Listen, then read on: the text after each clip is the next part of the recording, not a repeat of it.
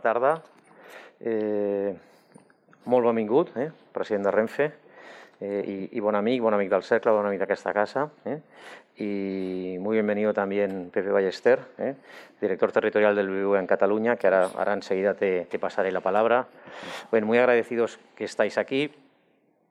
Eh, sabéis que tenemos que acabar pronto porque con las nuevas normas esto, esto, esto, esto ahora se está poniendo complicado.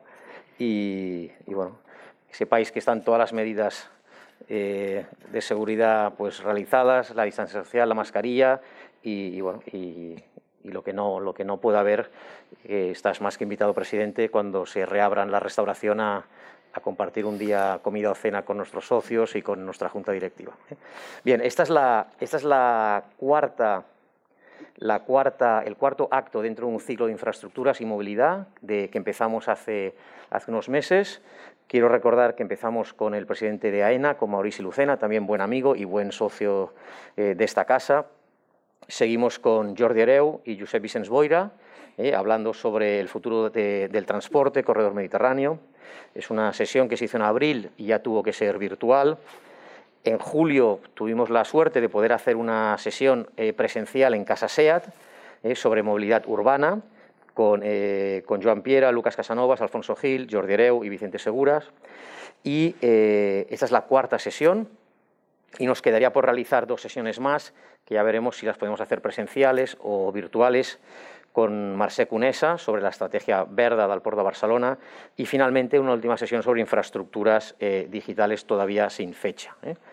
Bien, antes de, pasar la, la palabra y, y pasarle a, Pepe Ballester que nos, que nos dé la bienvenida, deciros que desde el SER la Economía eh, afrontamos las infraestructuras como un reto imprescindible para, para nuestro país.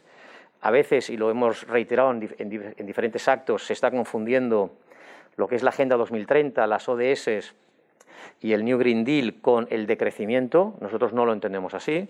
Entendemos que lo que se está tratando es del crecimiento sostenible, no del decrecimiento. Cualquier sociedad, cualquier país, cualquier territorio necesitan seguir creciendo y una de las maneras de seguir creciendo es en infraestructuras físicas, no la única, por descontado. También tenemos que crecer en infraestructuras eh, de capital humano y de capital intelectual, pero eh, sin perder de vista que las infraestructuras físicas tienen que seguir creciendo si queremos que el país pues, no se degrade como nos ha pasado en algunos países vecinos nuestros. ¿no? Eh, en eso estamos, en intentar hacer pedagogía en favor de la, del crecimiento sostenible de las infraestructuras y está pues, eh, muy, muy contentos de tener con nosotros hoy al presidente de Renfe, un tema tan, tan candente en nuestro país, eh, por el tema de AVE, cercanías, eh, famoso traspaso de Rudalías pedido por la Generalitat, que espero que, que hoy pues, el presidente de Renfe nos, nos ilumine sobre muchas de estas ideas. ¿no? Sin más, doy la palabra al director territorial del BBVA. Muchísimas gracias. gracias. Muy bienvenido a, a, Cataluña, que es uno de los tus primeros actos, y esperamos tenerte Muchas con gracias. nosotros. Muchas gracias.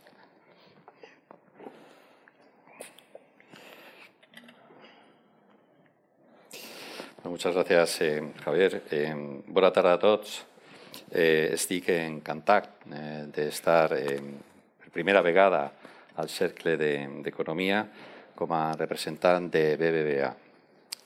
Hace eh, muy pocos meses eh, que, que, llegué a Barcelona y como nuevo director de, territorial de BBVA en, en, Cataluña. Y me tendréis que disculpar porque todavía no, no, hablo, no hablo catalán aunque lo entiendo bastante. Y estoy absolutamente comprometido a hablarlo cuanto antes eh, mejor, ya que admiro, además admiro de verdad y profundamente, tanto la lengua como la riquísima cultura de Cataluña. Como, decía, desde BBVA estamos encantados de compartir con todos vosotros esta cuarta sesión del ciclo Infraestructuras y Movilidad para una Barcelona del siglo XXI, en la que participamos junto al Cercle de Economía. Comentaros que hoy es el primer acto en el que participo en formato semipresencial desde que llegué a Barcelona. Antes de marzo, raramente tenía menos de un acto público por semana.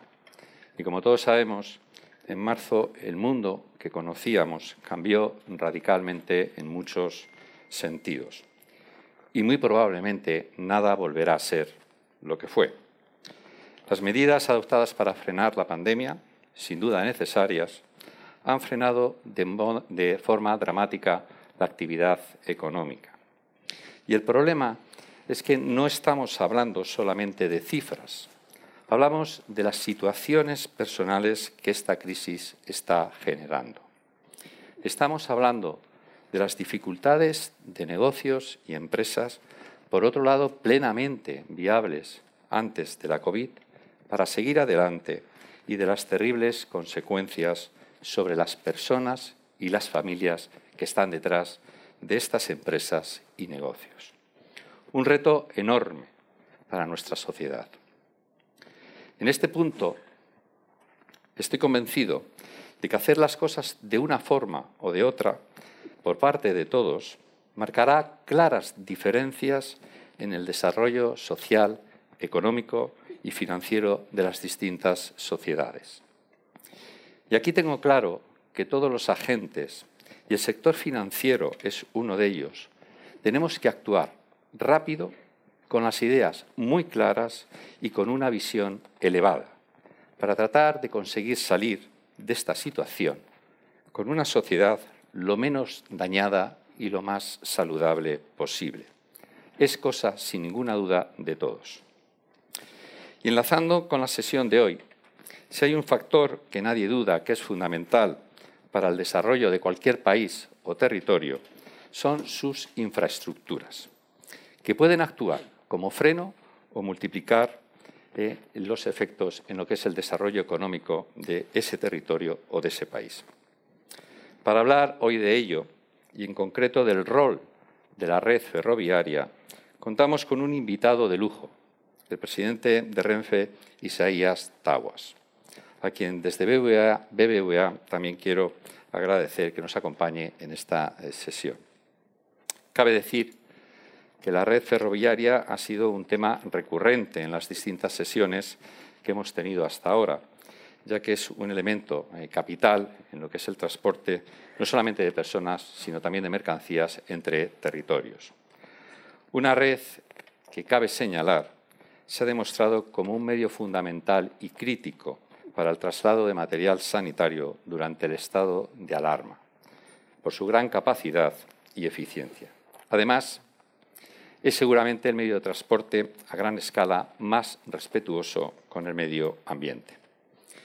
Pero sin duda la red de Renfe también afronta grandes retos y nos encantará escuchar su estrategia ante los mismos de la mano del señor Taboas. Solamente me queda agradeceros vuestra presencia, ya sea física o virtual, desearos que disfrutéis del encuentro y pediros que os cuidéis mucho y que cuidéis de los vuestros. Muchísimas gracias.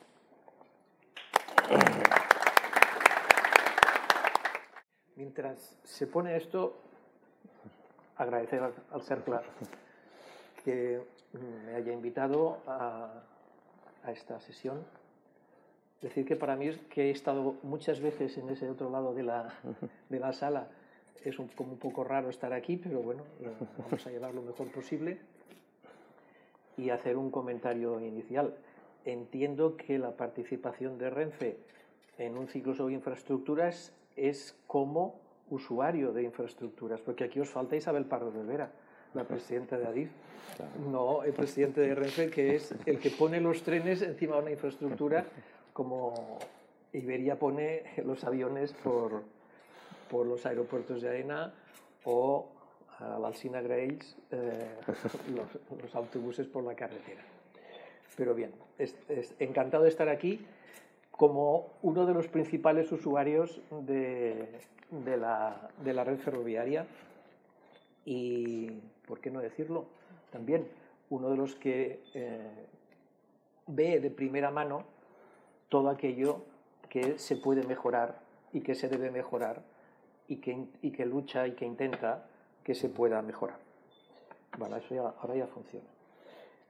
Yo, después de esta puesta un poco en, en consideración de lo que es el, lo que yo puedo hacer, se me ha ocurrido que más que hablar solo de infraestructuras, que no me corresponde, eh, podría ser útil hablar un poco de, eh, dado los momentos en, los que estamos, de mm, cómo podría ayudar Renfe a la recuperación económica o qué estamos pensando nosotros para la recuperación económica.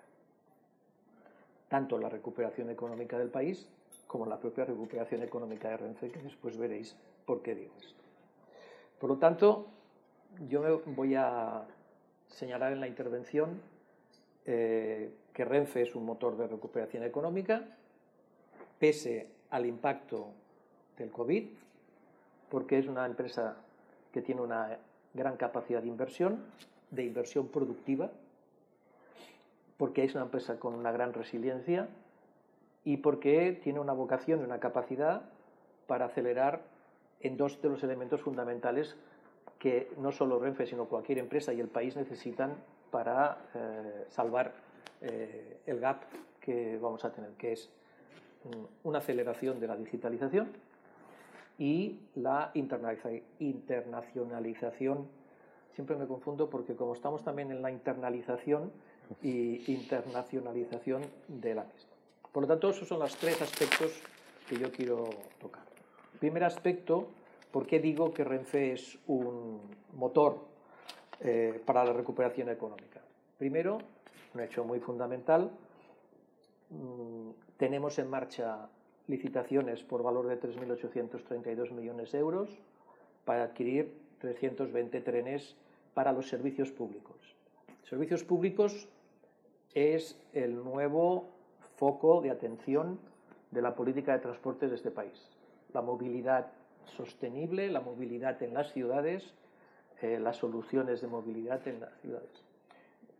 La política de transportes del país, no lo digo yo, lo dice el ministro, tiene que cambiar el acento desde la alta velocidad a la cercanía, porque es lo que eh, conlleva más y mejor, digamos, servicio público a los ciudadanos Solo hay que ver los números. Centenares de millones de usuarios contra algunas decenas de millones de usuarios. Por lo tanto, nosotros vamos a renovar en un esfuerzo sin precedentes eh, el 50% de nuestro parque móvil de cercanías. Hacía 10 años que no se licitaba y no se renovaban la, flota de cercanías porque no solo no se invertía en infraestructura de cercanías, sino que tampoco se invertía en material de cercanías. Aquí hay tres personas en esta sala que han sido directores de, son o han sido directores de cercanías de Barcelona y lo saben muy bien. Y eso, cuando decía que es eh, inversión productiva, es inversión productiva en vena.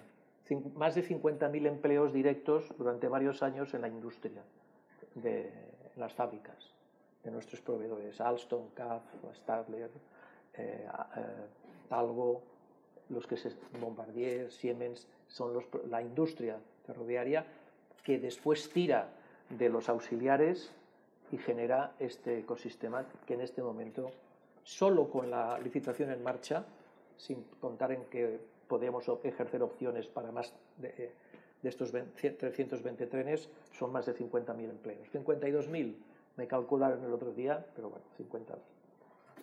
El otro, el otro elemento por el que decimos que podemos tirar de eh, ser un motor es los proyectos de digitalización que tenemos en marcha. Más de 700 millones de euros en los próximos, en este, entre este año y el 2024 para diversos proyectos. Nuestra plataforma integral de movilidad, el RAS, al que después me, me referiré explícitamente, la mejora de los sistemas de protección y seguridad física y tecnológica, el Smart Train, Proyecto Cronos. Proyecto Cronos es un proyecto que ya hemos empezado a desarrollar en Málaga, mediante el cual la gente paga su billete poniendo su tarjeta de crédito en el lector, o ya sea a través de la tarjeta de crédito física del BBVA o la que, tenemos la que podemos tener en el móvil, entra, paga cuando sale, vuelve a, pasar la tarjeta, le calcula las zonas en que ha estado y le, y le factura el coste de eso. Eso que ya lo tenemos implantado en Málaga, provincia test, en este caso, no es lo habitual, que suele ser Zaragoza, en este caso ha sido Málaga, ya lo vamos a implantar en toda España. estamos en un proceso de transformación digital de todos nuestros procesos internos para ganar eficiencia y la, transformación digital de nuestros servicios logísticos en mercancías y después también me referiré a mercancías. 700 millones de euros son muchos millones de euros. Entre estos proyectos están todos los proyectos que ahora, gracias a la COVID y gracias probablemente a los fondos de resiliencia y recuperación, vamos a poder desarrollar con más celeridad de lo que pensábamos hacer. Por ejemplo, todo lo que es la instalación de cámaras en los andenes, en los trenes, para tener el control de los aforos, eh, la seguridad e incluso en su día el pagar por reconocimiento facial. Todo eso va a tener un acelerón muy importante. Y después, desde un punto de vista mucho más modesto, pero no menos importante en estos momentos en España, es eh, el proyecto de descentralización de actividad hacia la España de vacía. Nosotros vamos a, en este caso, internalizar actividades que tenemos subcontratadas y que pueden ser básicamente de, ser, de servicios mm, digitales, servicios cloud, eh, digamos, servicios de operación de software de, de, ordenadores, mantenimientos, call centers y compañía, y los vamos a, trasladar de las grandes ciudades donde pueden estar ahora a ciudades pequeñas y medianas, donde el ferrocarril tuvo una importancia fundamental en sus inicios y hasta probablemente hasta mitades del siglo XX, pero que ahora no han, han decaído porque el modo de producción ferroviario no, hace necesarias esas instalaciones tenemos espacios donde vamos a recuperar la actividad ferroviaria no, con el, no necesariamente con el raíl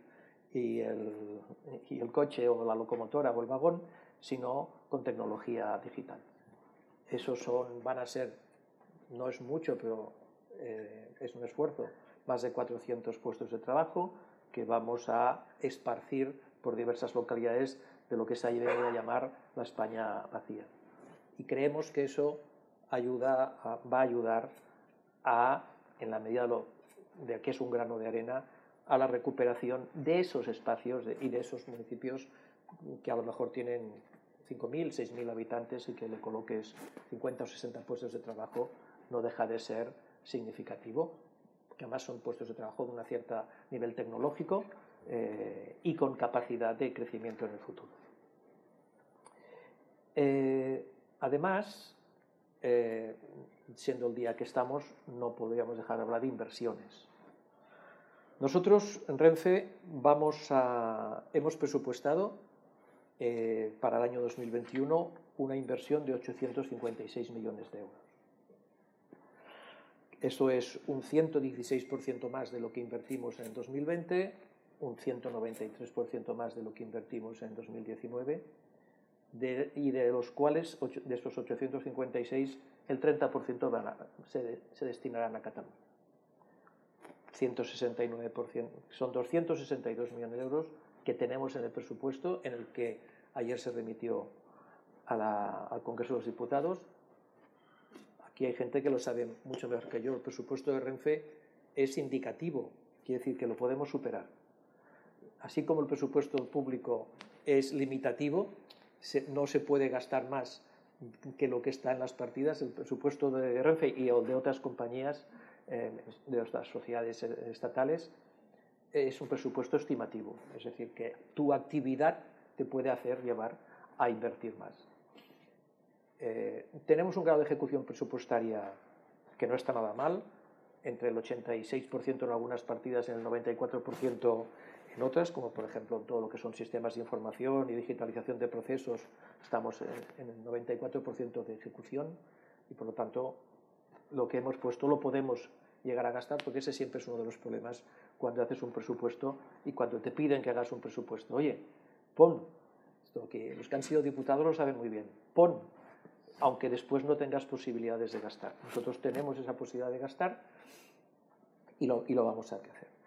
Esos 850 millones de euros, 56 millones de euros, pues una parte muy importante, lo que le toca en el año 2021, porque los trenes entre que los licitas, los eh, adjudicas, los construyen y los homologan, y se homologan por la Agencia de Seguridad, son entre tres y medio y cuatro años si no pasa nada.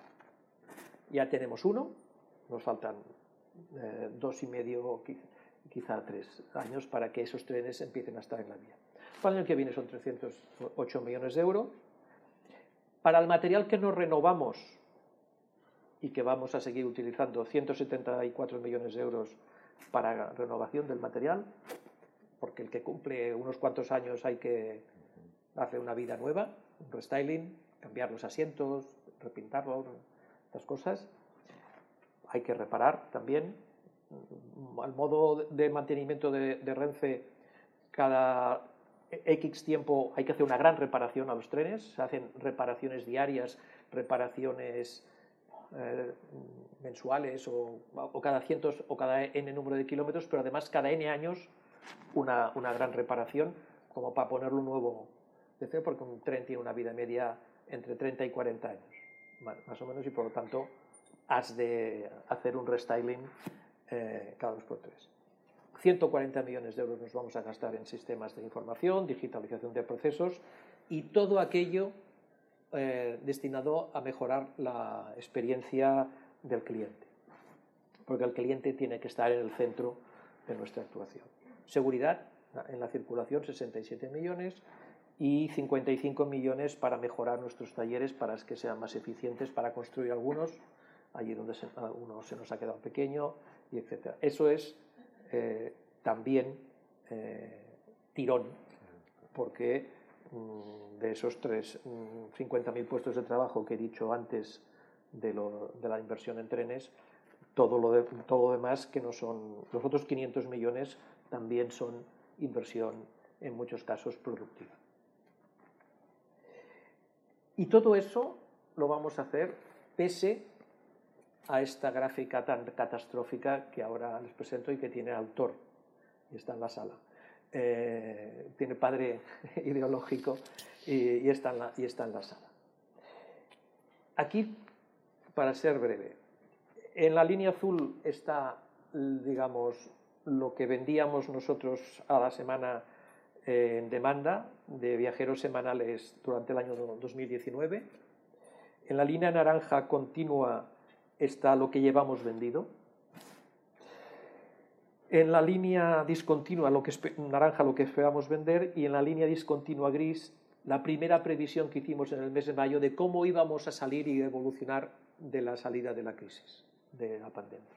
Fijaos una cosa, cuando se declara el estado de alarma y el primer confinamiento, nuestra demanda cae en el 99%. Vamos recuperando poco a poco y salimos del estado de alarma con el 32% de la demanda de lo que era el año pasado.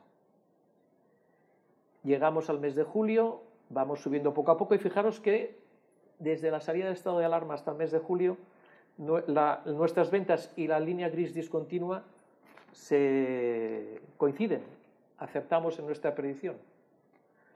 Pero vinieron los rebrotes del mes de agosto, que empezaron en Lérida, eh, y después ya vamos en, Hoy, el 18 de octubre, porque esta cifra del 23% es del 18 de octubre, el 18 de octubre estábamos al 23% de la demanda, es decir, casi 10, puntos, casi 10 puntos menos que cuando salimos del confinamiento.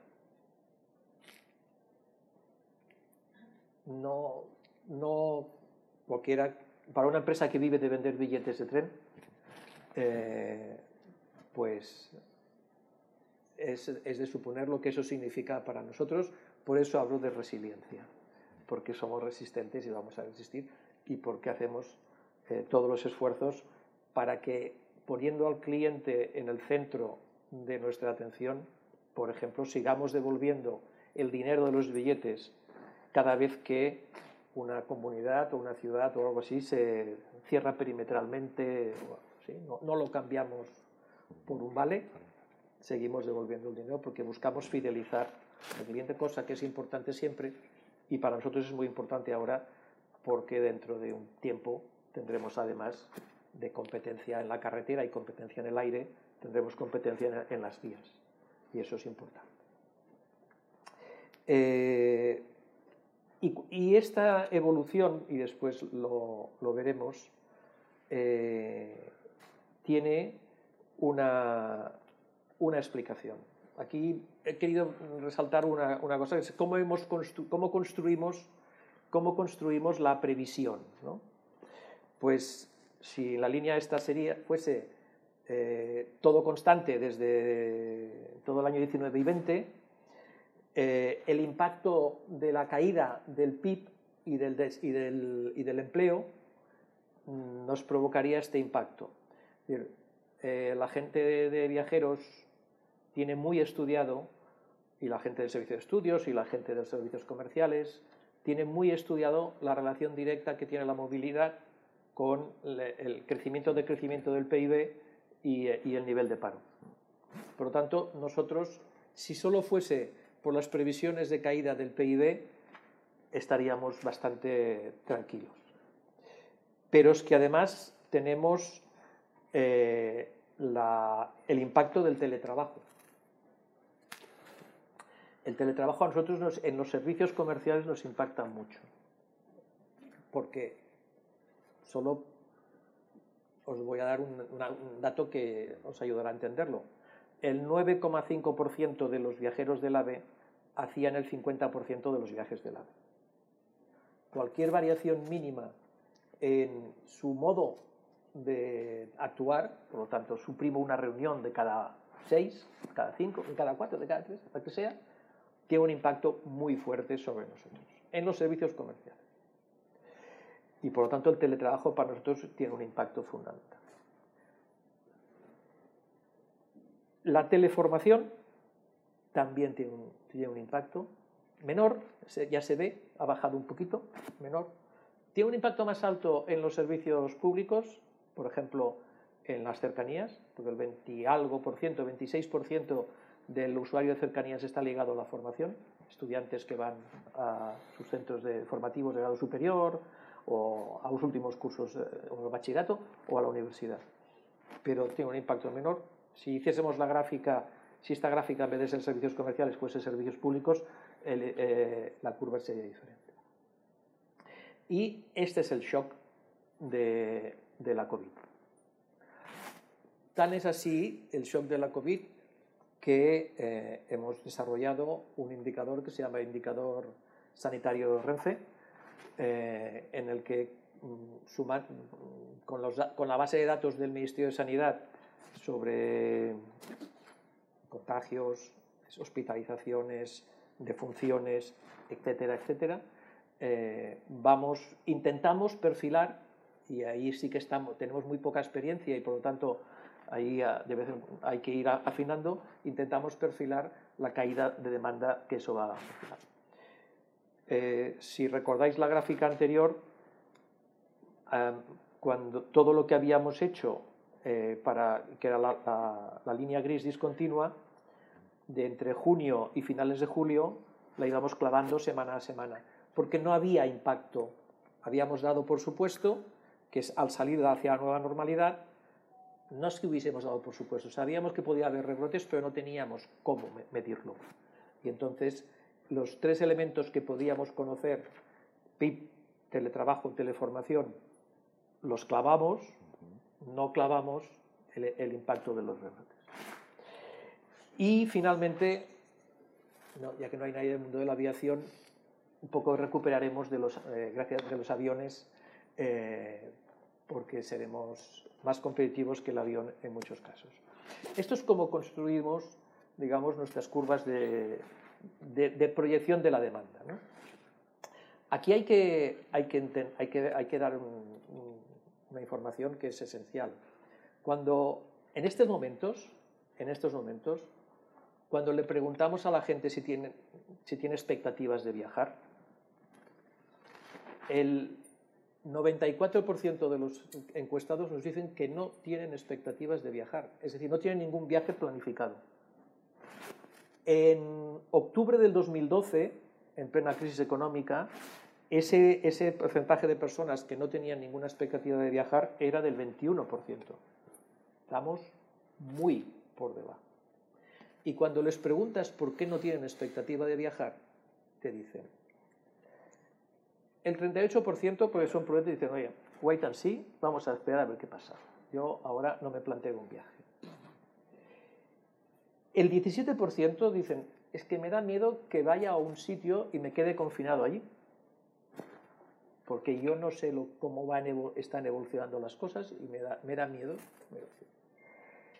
El 15% dice que le dan, son incómodas las restricciones que piensa que se van a encontrar en los otros sitios. Por ejemplo, en Cataluña viene, no hay restaurantes, no hay bares en este momento, en otras partes sí, no, no. Solo el 7% piensan que los alojamientos son peligrosos. Yo creo que es psicológico, pero lo piensan. A un 6% eh, le han cancelado el viaje, es decir, la empresa de transportes o ha, clausurado ese servicio, o el autobús, o el avión, porque no le va bien económicamente, de momento no es mucha gente, 4,5%, una cierta sensación de desánimo, pasotismo social, 4%, miedo a viajar en transporte público, solo el 3,2%.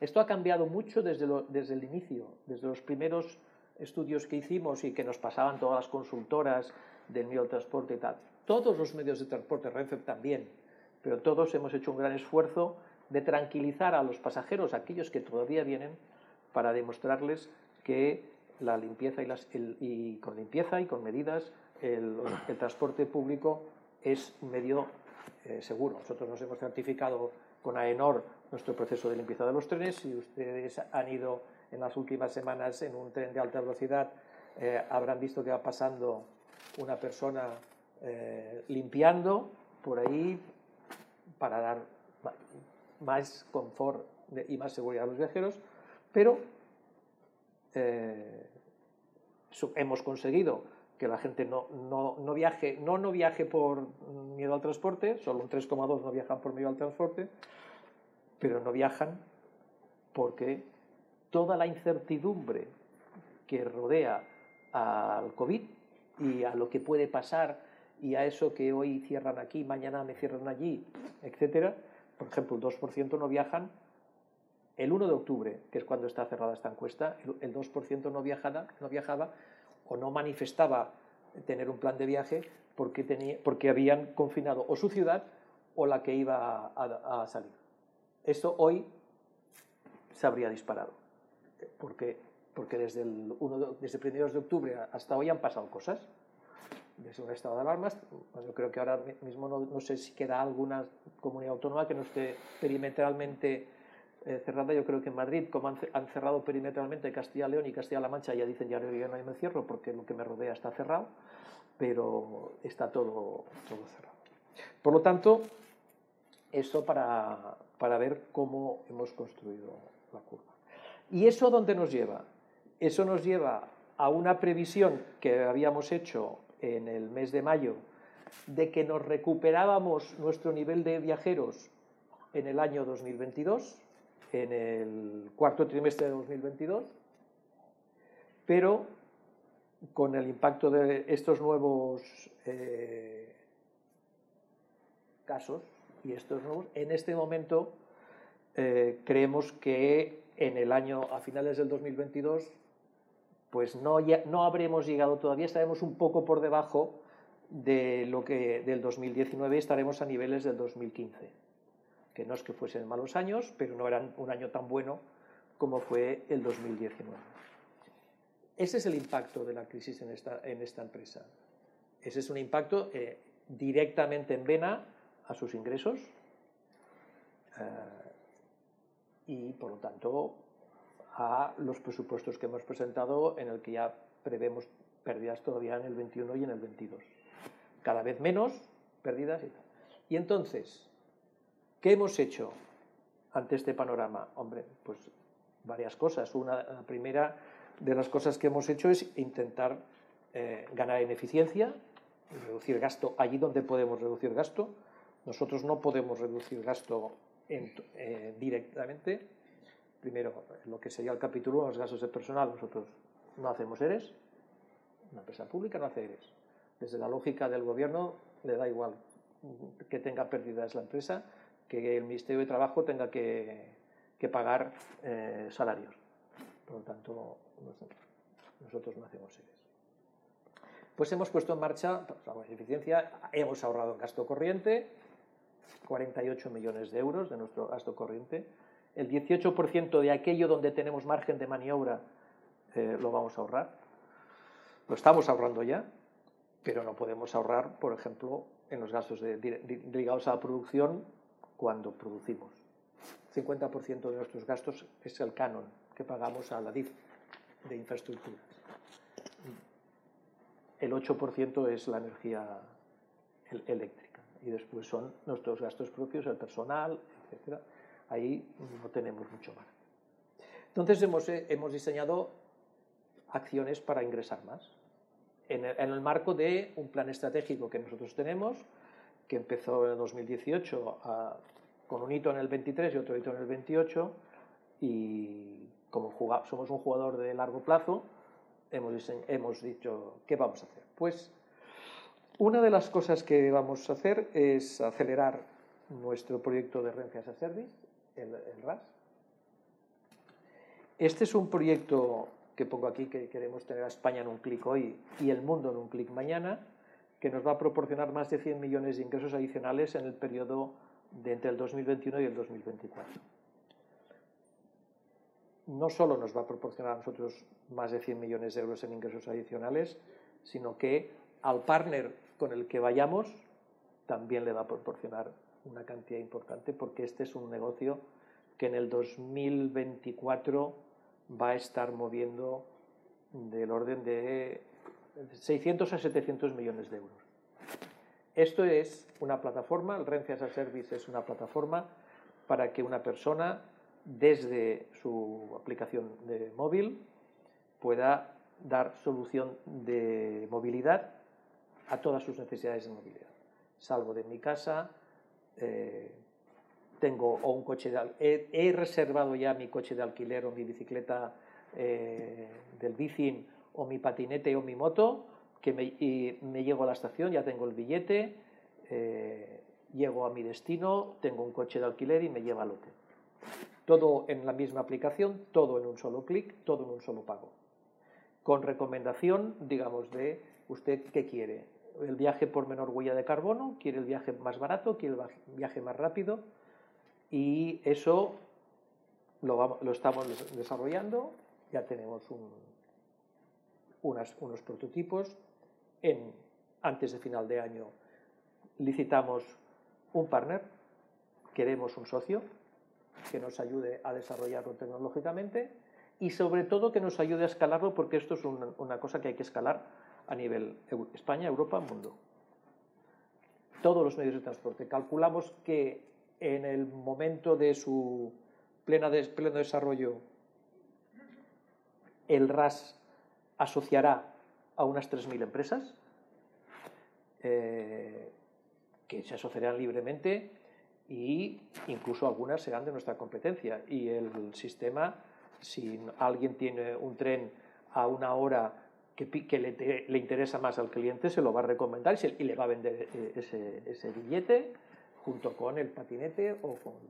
Esto es una plataforma que nosotros lanzamos para, entre otras cosas, defensivamente, para que no nos balancen otros, que no tengan ni un tren, ni un coche, ni un avión, ni nada, y porque además creemos que ayudaremos a dar una sensación de movilidad.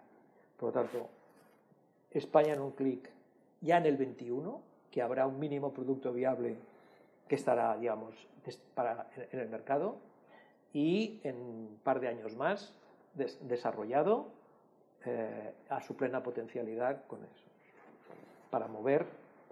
Y después aquí no sé cuánta gente, pues, hay unos cálculos que ahora yo no me lo sé, pero de centenares de miles de, de usuarios potenciales eh, para que la cifra esta de mover hasta 600, 700 millones de euros en flujo de contratación se, se pueda Esta es una de las primeras cosas que vamos a hacer y que estamos haciendo. La segunda cosa es, eh, vamos a poner en valor activos ociosos en los, en talleres.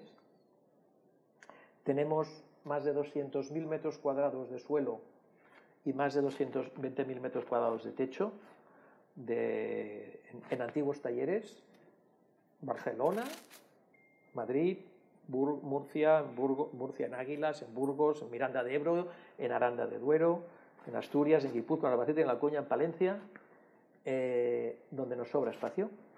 Es suelo que está conectado al ferrocarril y a la carretera y que vamos a utilizar en parte para que nuestra empresa de Renfe Mercancías eh, agrande su cadena de valor y entre y pueda ofrecer servicio logístico y, y, donde no le interese a Renfe Mercancías o el suelo no sea suficientemente atractivo, vamos a entrar en el negocio de la inmologística con otros partners porque ese es un negocio en alza. Suelo bien, bien ubicado, bien comunicado.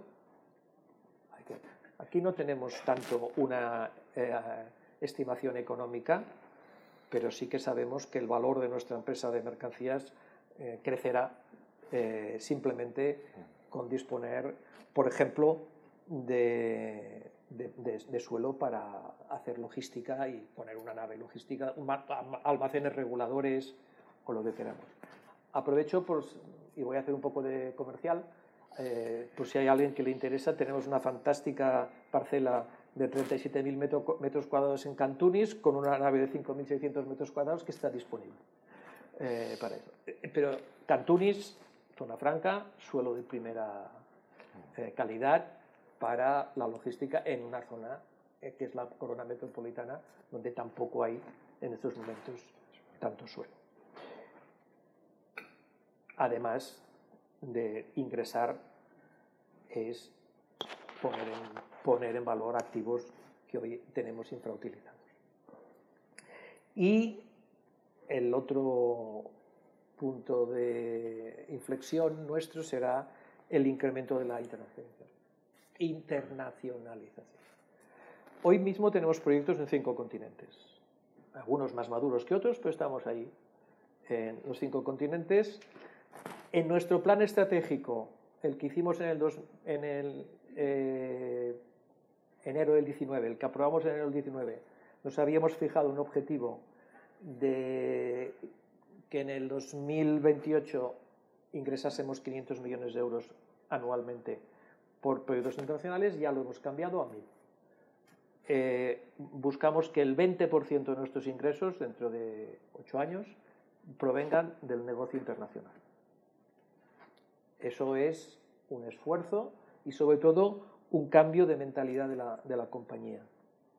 Eh, históricamente la gente no se lo ha creído, eh, pero eh, nosotros estamos convencidos de que los dos proyectos tractores que tenemos, el de Arabia y el de, y el de Texas, le han dado una vuelta a la percepción sobre eso y ahora cuando, cuando hablamos de algún proyecto, como por ejemplo el, que, el que todavía estamos en México, que es el tren Maya, eh, la gente se lo cree.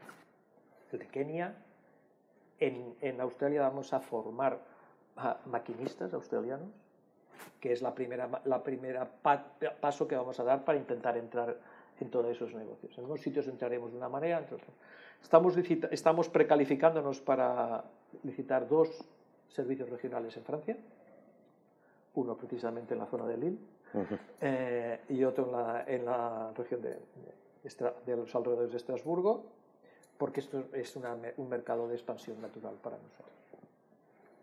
Y estamos también en un proyecto que esperamos que nos salga bien, aunque ahí competimos con todos los grandes en, en, los países bálticos, el Rail Báltica, que es la, un proyecto para unir las tres capitales bálticas que tiene financiación europea y, mundial.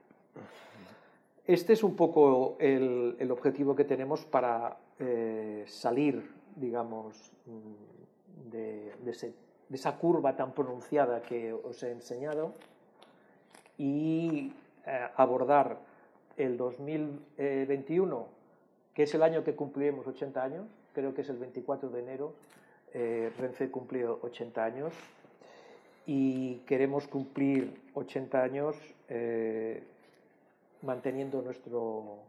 Aunque ya, habrá, ya se habrá iniciado legalmente la liberalización, no tendremos competencia todavía en esa fecha, pero queremos eh, que el 2021 sea el año en que nosotros eh, continuemos siendo líderes en el transporte ferroviario, eh, que sea el momento en que nos ayude a sentar las bases de nuestro crecimiento futuro en el mundo, en España, en Cataluña también, por cierto.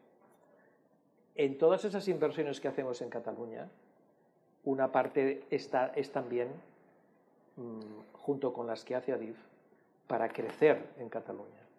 Nosotros queremos pasar de los 450 más o menos eh, mil viajeros día que tenemos actualmente a los 600 y poco mil viajeros día. Eso es crecer casi un 40 y pico por ciento. Un 45 por ciento depende de cómo lo miremos, un 45% en, un, en, en, el plazo precisamente del 2000, hasta el 2008. Por tanto, queremos crecer en Cataluña. Y también queremos, queremos crecer en Cataluña en, mercancías. Los trenes que tenemos ahora, 155 trenes al día, a la semana que salen del puerto de Barcelona y los 66 que salen del puerto de Tarragona, son pocos, queremos crecer, por cierto del puerto de Tarragona solo sacamos ocho trenes en ancho UIC, en el ancho europeo. Yo inauguré el tercer hilo hace diez años y solo sacamos ocho trenes. Eso quiere decir que nosotros no hemos espabilado, pero también quiere decir que no siempre la infraestructura es, es la solución si no hay tirón detrás. Por lo tanto, queremos crecer, que solo el 16% del tráfico de mercancías crezca, eh, que tenemos nosotros sea eh, tenga origen destino en Cataluña, a mí me parece poco. Que el 34% de nuestro, de nuestro mm, digamos, viajeros de servicios comerciales sea, me parece poco y por eso buscaré la manera de crecer más en Cataluña porque aquí Renfe es una empresa, si cogiésemos Rodalías y, no, y fuese una empresa, sería, estaría entre las 50 empresas más importantes de Cataluña, por la, por la facturación y por el número de empleados. Renfe Rodalías son 500 millones de euros. Estamos entre las 50 más importantes. Por lo tanto, yo quiero que Renfe tenga ese papel en Cataluña y buscaré la manera de penetrar mejor en el tejido económico, en el tejido social,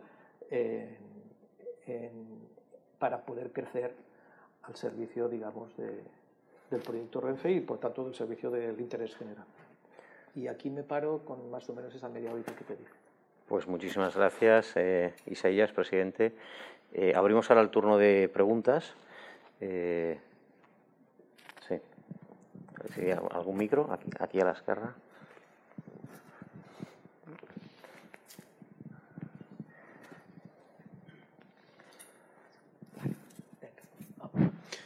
Buenas tardes, señor eh, Aguas. Eh, quería hacerle una pregunta. ¿Cómo está el trazado de, trazado de tren rápido de alta velocidad entre Madrid y Lisboa? Gracias. le hablaré de oídas.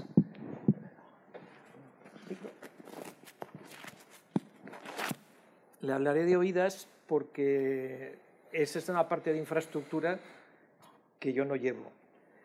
Eh, eh, los portugueses, por lo que yo tengo entendido, eh, ahora mismo se están planteando una línea de alta velocidad entre Lisboa o Porto llegan para empalmar con la línea con el corredor atlántico que nosotros tenemos desde Vigo a La Coruña. Y esa es su principal prioridad en alta velocidad. El empalme con España por alta velocidad es una cuestión que allí la tienen no como una prioridad, por lo que yo tengo entendido, y sí que nos piden eh, que enlacemos eh, y la discusión, eh, pero no está claro, porque ellos preferirían enlazar el, eje Lisboa-Oporto, Fuentes de Oñoro, Salamanca, Madrid, y nosotros preferiríamos enlazar Madrid-Badajoz cuando tengamos Lisboa.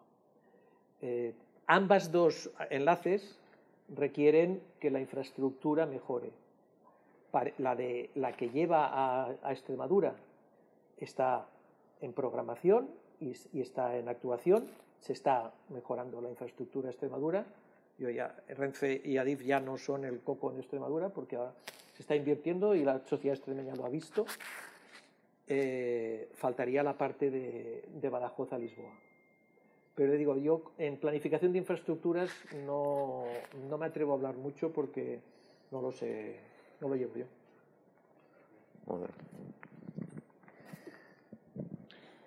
Sí, sí, buenas tardes. José Martínez de Saba, eh, presidente. Eh, muchas gracias por estar aquí.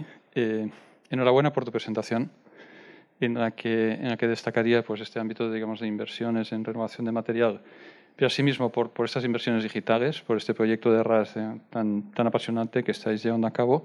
Y también quería destacar este ejercicio que, no, que no, poco común de, digamos, de transparencia en, la prospección futura. ¿eh? En estos momentos de incertidumbre, ¿no?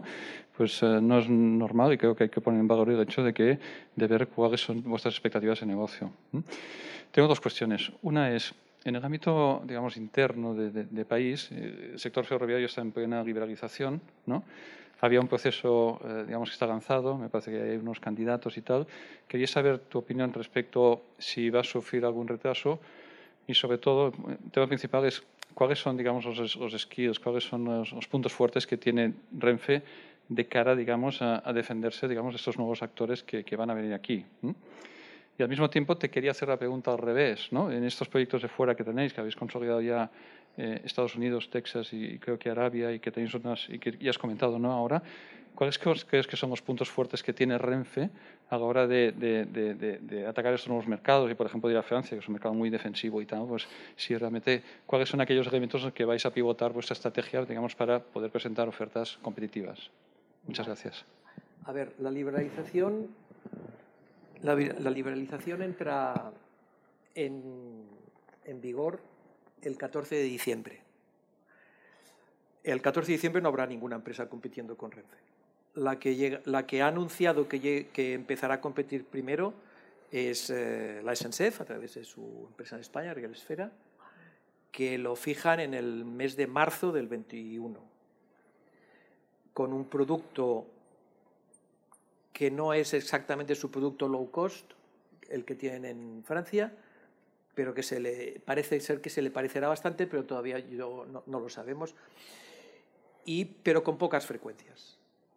Inicialmente entre Madrid y Barcelona, dicen que después han pedido y se les ha concedido eh, Madrid-Barcelona, mm, Valencia-Madrid, Madrid-Valencia y el EGB Madrid-Sevilla-Málaga.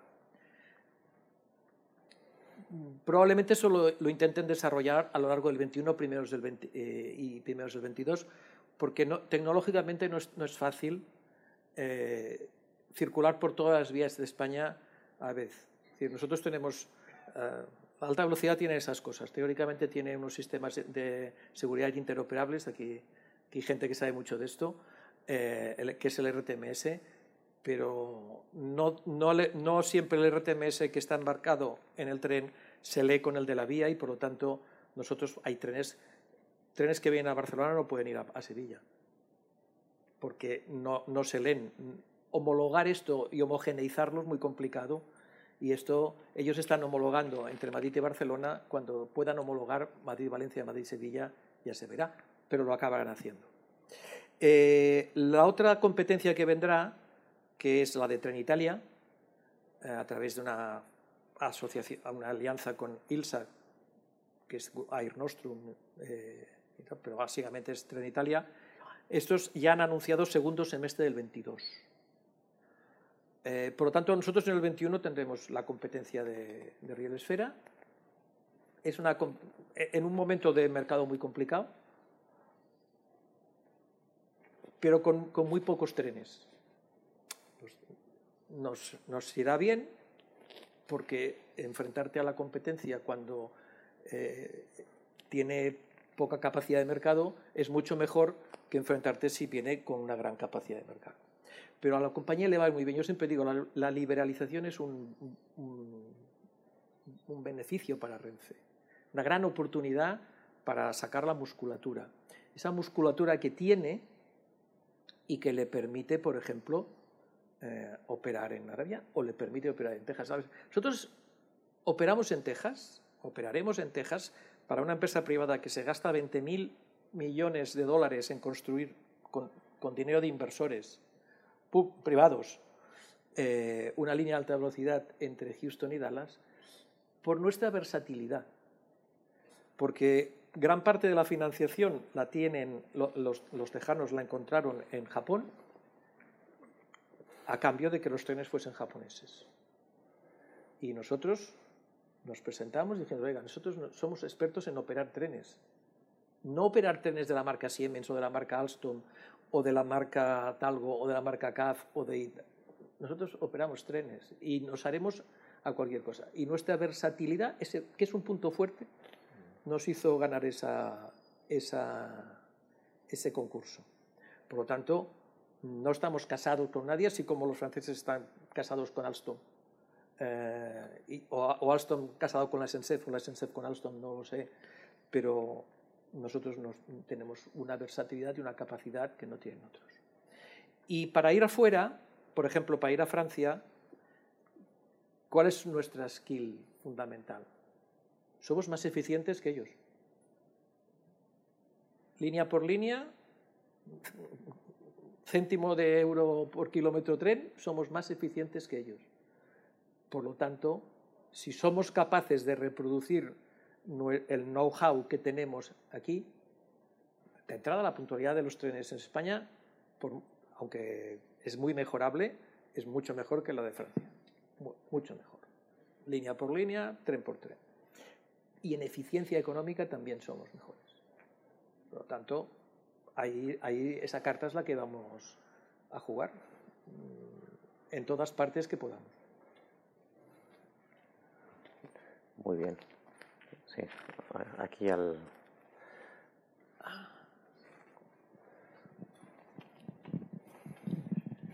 Ah, has hablado antes de, de, la importancia de cercanías y de, de, de, tu voluntad de impulsar un crecimiento importante en, en el número de, usuarios diarios de cercanías.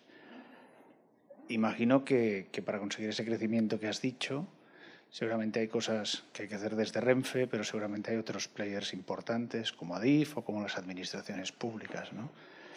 ¿Cuáles son las cosas que tú crees que has, que has de hacer desde Renfe y cuáles las que has de hacer interactuando con los otros para poder conseguir estos retos en un plazo corto, como se ha entendido un poco que, que era tu ambición? A ver, Renfe para crecer en, en, cercanías, lo primero que tiene que hacer es lo, una de las cosas ya está haciendo, mm, dotarse de mejor material, que, que sea más fiable, menos antiguo, más fiable porque la, la, fiabilidad y la disponibilidad de los trenes es lo que te permite más frecuencias, entre, además de la capacidad de la línea. Y eso, y, y, porque si cuando no eres fiable, la gente no puede confiar en que llegará a su destino, pues se van otros medios alternativos. Por lo tanto, lo primero es fiabilidad. ¿En qué nosotros podemos hacer? En que los trenes funcionen, cuanto más nuevos mejor funcionan, porque los trenes ya he dicho antes que entre 30 y 40 años de vida no tiene la misma fiabilidad un tren de, de 5 años que un tren de 30 años, por mucho que lo mantengamos bien, eh, porque la, la, las cosas no funcionan siempre igual. Por lo tanto, renovar. Vale.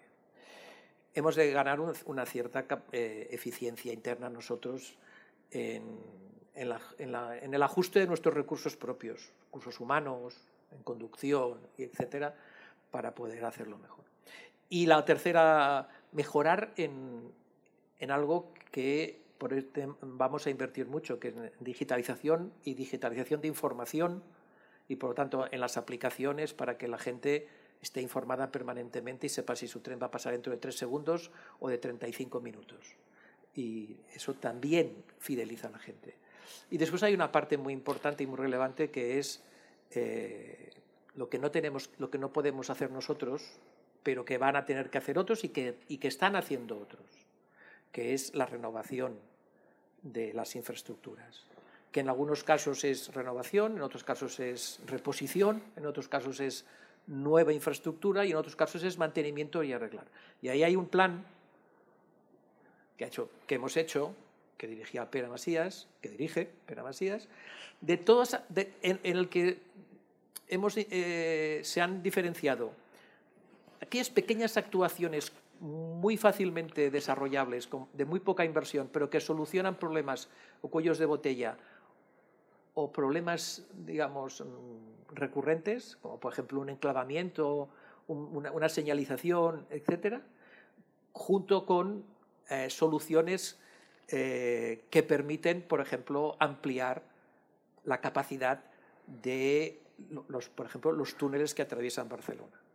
Hoy Barcelona está atravesada por unos túneles que están ya prácticamente saturados.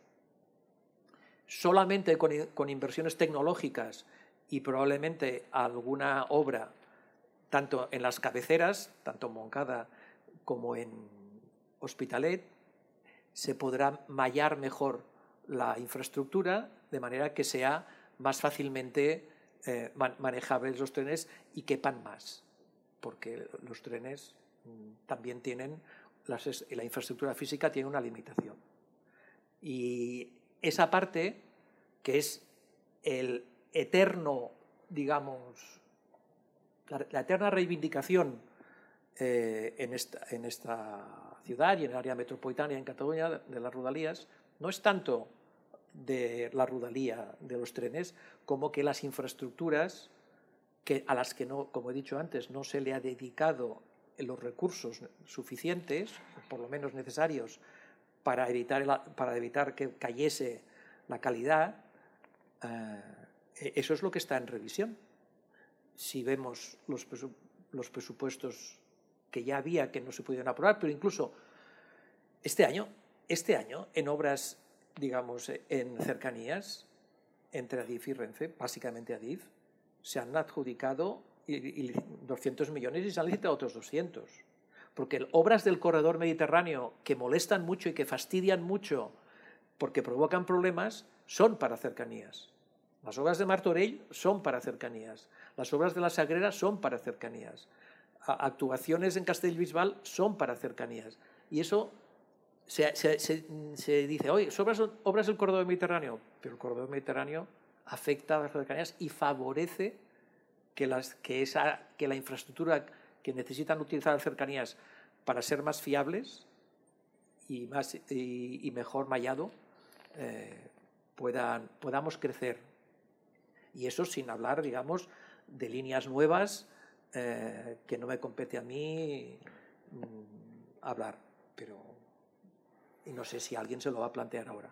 Pero arreglando lo que hay, con el plan que tenemos, podemos crecer ese 40% en, en viajeros.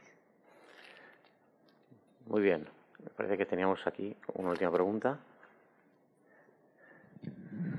Buenas tardes. Purificación González, Cataluña Press. Dos preguntas. Eh, ha hablado usted de las inversiones en mejoras de las infraestructuras, compra de trenes, eh, que facilitarán una mayor fiabilidad de los clientes que, crecerán en Cataluña, que ese es el objetivo de Renfe. ¿Qué pasa con las inversiones eh, previstas en las estaciones de tren para las adaptaciones, por ejemplo, de las personas con movilidad reducida. Esto también está dentro de este proyecto. Y la segunda pregunta es, en el proyecto que has hablado de España en un clip, ¿no? Está toda la parte de negocio, de la venta, de todos, pues el alquiler del coche, el tren, el avión y tal, pero también hay una parte de conocimiento de la movilidad de la gente que compra, ¿no? La segunda parte de este proyecto es eh, crear alianzas en base a ese conocimiento Big Data de la movilidad? Gracias. Ah, a ver, eh, en las inversiones que nosotros hacemos aparte de ser en trenes nuevos, hay una parte que es en accesibilidad para trenes que tenía. Yo creo que cuando acabe este año o a, o a mediados del año que viene tendremos el 100% de la flota de trenes de cercanías accesible. Y en estaciones yo diría que en ese momento el 80% de los usuarios ya, eh, las que ya, están ya usan estaciones accesibles, con accesibilidad. Nos quedan un porcentaje que no sé si es el 20 o más o menos, en, que son actuaciones pequeñas en, en, estaciones que son muy, muy poco transitadas, a las que tenemos que acabar yendo, pero que, no han, que hemos priorizado eh, aquellas obras donde se Yo creo que en, un año también, o un año y medio, el 100% de las estaciones también podrán ser accesibles. El proyecto del RAS eh, requiere, primero, buscamos un partner para desarrollarlo y después requiere alianzas con otros operadores de transporte. Y por lo tanto, eh, claro, conocer, conocer los estudios de movilidad es importante, sobre todo para, para ver dónde te, dónde te interesa más implantarte más rápidamente, pero mmm, iremos consiguiendo, digamos, ese conocimiento acumuladamente nosotros. Mm, la movilidad hoy ya está muy conocida. Las empresas de telecomunicaciones eh, te explican cómo se mueve la gente. Nosotros mismos estudiamos desde hace muchos años la movilidad. Sabemos cuáles son los flujos de, de viajeros entre una ciudad y otra, no solo en tren, en otros medios de transporte, porque antes lo he dicho, nosotros no es que no, ahora competiremos por la vía, pero venimos compitiendo con el avión y con el autobús desde hace muchos años. Nos, y con el avión nos vigilamos. Y vigilamos eh, cuando nosotros vemos el impacto, cuando incrementamos o ponemos en, servicio un tramo de línea donde se puede ganar tiempo de viaje, automáticamente vemos cómo pasan dos cosas. Una, baja el número de usuarios del avión, si el tiempo de viaje es suficientemente competitivo, o del autobús, y ellos bajan precio para intentar combatir ese tránsito, lo decía antes el presidente del SER, natural al, al ferrocarril porque es un medio más, más, más, más cómodo, más, menos contaminante, pero más cómodo, porque te puedes mover, está, tienes más espacio, etc. Por lo tanto, eh, no nos hace falta mucho. Todo, todo el conocimiento de la movilidad es bienvenido, la conocemos bastante, por lo menos en España, eh, que es eh, donde hace 80 años o casi 80 años que estamos implantados. Muy bien, presidente. Pues eh, para acabar me gustaría hacerte tres preguntas muy rápidas, que son las 8 y 10.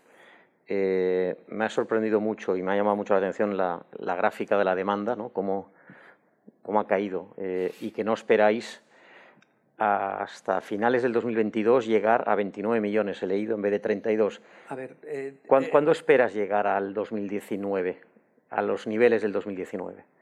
Mira, si, si en el... Habéis visto que lo que tiraba mucho para abajo era lo que llamamos nosotros el indicador sanitario Renfe. Eh, y, es, y, ese está muy condicionado por la evolución de la, de la pandemia. Eh, si, a primeros del año 21 empieza a haber vacunas y y, o tratamientos eficaces eh, que le hacen perder a la gente eh, el miedo, digamos, a, desplazarse. ¿Por qué? Porque se van reduciendo, digamos, los inconvenientes esos que hemos hablado, confinamientos, eh, etcétera, porque hay tratamiento para eso. Entonces tendremos, revisaremos, ese indicador nos revisará, no tirará tanto para abajo y, por lo tanto, si solo nos tenemos que fijar en el indicador eh, teletrabajo, PIB, teletrabajo y teleformación, pues entonces prácticamente a primeros del 22 estaríamos, en, o mediados del 22 estaríamos donde, donde estábamos. Hay una incertidumbre que ni nosotros ni nadie puede prever, que es eh, la vacuna, las vacunas. Tienen que ver con salud y con confianza. Y con, y con no temor de, la, de, las personas. Por lo tanto, eh, ahora mismo, esta es nuestra previsión.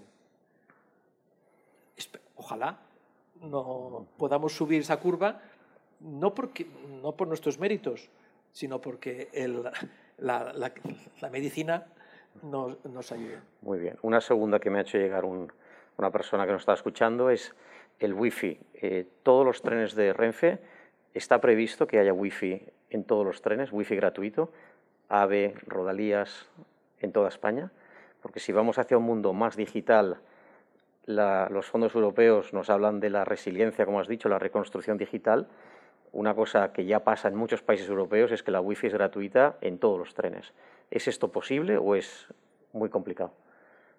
Eh, es posible y de hecho lo tenemos en el plan estratégico. Que todo, de, de hecho, todos nuestros trenes estarán eh, capacitados para tener wifi. Después pasará una cosa. No sé cómo, es decir, yo sé lo que nos ha costado eh, o lo que ha costado a la compañía tener wifi en los monegros, donde, donde no hay a veces ni, ni señal de teléfono. Eh, esas son, unas, esas son o sea, tener wifi, en, con, wifi, tener datos en las cercanías es una cosa. Tener datos eh, cuando atraviesas eh, zonas donde no hay ni cobertura móvil es otra cosa. Y entonces ahí mmm, eh, vamos a tener que ver. La, voluntad es que lo haya, porque es, gratis para todo el mundo, no lo sé. Eh, ¿Cómo llegaremos a, solucionarlo? Es complicado, porque el despliegue de infraestructura terrestre para poner wifi, por ejemplo, eh, el otro día inauguramos con el ministro el tramo entre Zamora y Pedralba, eh, o sea, entre Zamora y Pedralba de la Pradería, ciento y pico kilómetros en, en, la provincia de Zamora. En esos ciento y pico kilómetros creo que hay 80 que son de túnel. Y además son doble túnel. Por, decir, un túnel para el sentido Madrid-Galicia y otro túnel para el sentido Galicia-Madrid. Solamente no nos sirve el satélite ahí, hay que, hay que desplegar infraestructura terrestre, antenas en los túneles. Es decir, eso son inversiones muy elevadas que hay que mirar cómo las vamos a hacer y cómo las mm, vamos a, re, a recuperar. Y la, la, la, pretensión es que sí.